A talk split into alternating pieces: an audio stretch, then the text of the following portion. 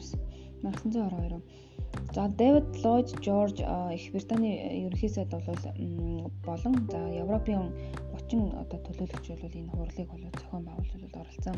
За энэ хурлын гол зорилго нь юу вэ гэхээр зэрэг германчуудыг төлбөрөө төлөвлөхөд нь одоо эдийн засгийн асуудлуудыг шийдвэрлэх за тайлбарлаад бол Европын одоо эдийн засгийг бол одоо бас одоо ахин сэргээх зорилготойгоор бол энэ хурлыг бол Дэвид Ллойд Жорж санаа санаач зохион байгуулсан.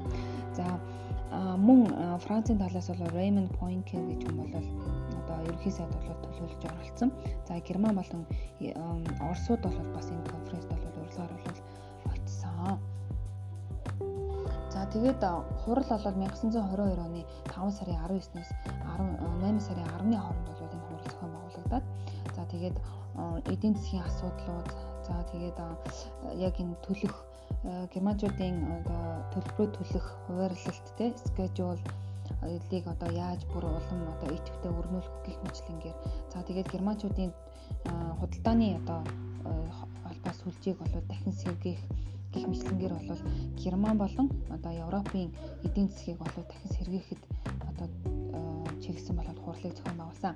За гисэдэг боловч Францууд тэр яг энэ хурлыг хүртэл ер нь бол германчуудыг болоо дахин сэргээхэд бол сэргээх тий за тэгээд Третье Версалийн энэ одоо юуны журмын дагуу бол германчуудыг дахин одоо улам одоо сул болгох тийм л зорилготойгоор бол одоо үжил судлаа илэрхийлсэн.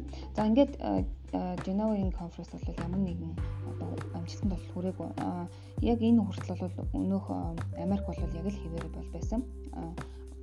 Ганцаарчсан, ганцаардмал тий isolation бодлого бол хэрэгжүүлж байсан. Ингээд Француудыг бүр улам германчууд бол тухайн хурлаас гарсан. Ягаад гэвэл юм бол Француудыг улам ихээр одоо Францууд германчуудыг улам ихээр дордуулах гэдгээс бол айгаад энэ хурлаас гарсан. За ингээд герман болон орсууд бол энэ хурлаас бол гараа явсан. Тэгэхээр хурлын үр дүн бол нэг тийм амжилттай бол байсангүй.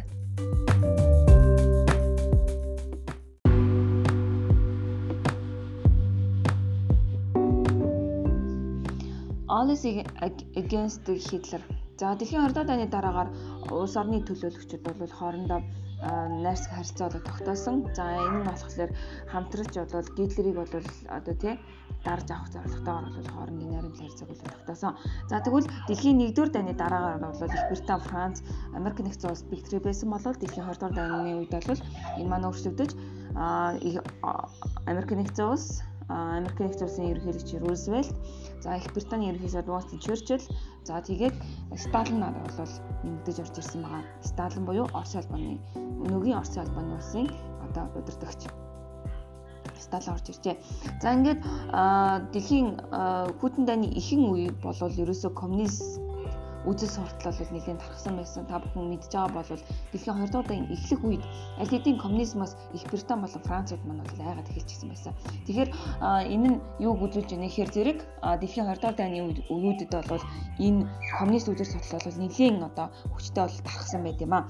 За ингээд тухайн үеийн зөвлөлт зөвлөлт одоо холбоот улсад бол коммунист үзэл суртал бол 30 жилийн хугацааг хугацаанд болоо тогтсон. За ихэнх одоо Их Британи болон тэр дундаа Америкууд бол коммунист үзэл сурталын эсрэг бол нэлийн одоо тэмцэж исэн. А 1900 одоо 20 20 онд бол коммунистийн одоо юу коммунистууд бол улаан талбайд бол бослог гаргасан. За энэ нь бол амжилттай болж тэгээд 1926 онд бол Их Британий одоо засгийн газарт бол одоо юу цохилт бол өгсөн гэж үздэг. За Их Британи Оросын хооронд хэдийгээр одоо 1930-ад онд бол аппесментийн бодлого дээр бол хоорондын одоо тий харилцаа холбоо тогтоосон ч гэсэн тухайн үед бол Сталин Их Британчууд одоо германчуудыг бол Германы Гитлер тий Германы Гитлерийг бол одоо хүч хүчрхэг болгоход нь аппесментийн бодлого нөлөөлж байсан учраас ерөөсөө л их британчууд манад бол туслах нь бол худлаа байна гэдгийг бол тухайд бол Сталин бас мэдэрсэн. За ингээд үүний дараагаар Сталин Гитлертэй бол гэрээ хийдэг. Поландыг бол хоёр хуваажих асуудал дээр бол гэрээ хийсэн байгаа. Энэ нь бол их Британаас бараг хариу авч хариу цохилт өгөх хэмжээнд бол босон гэж бол үздэг.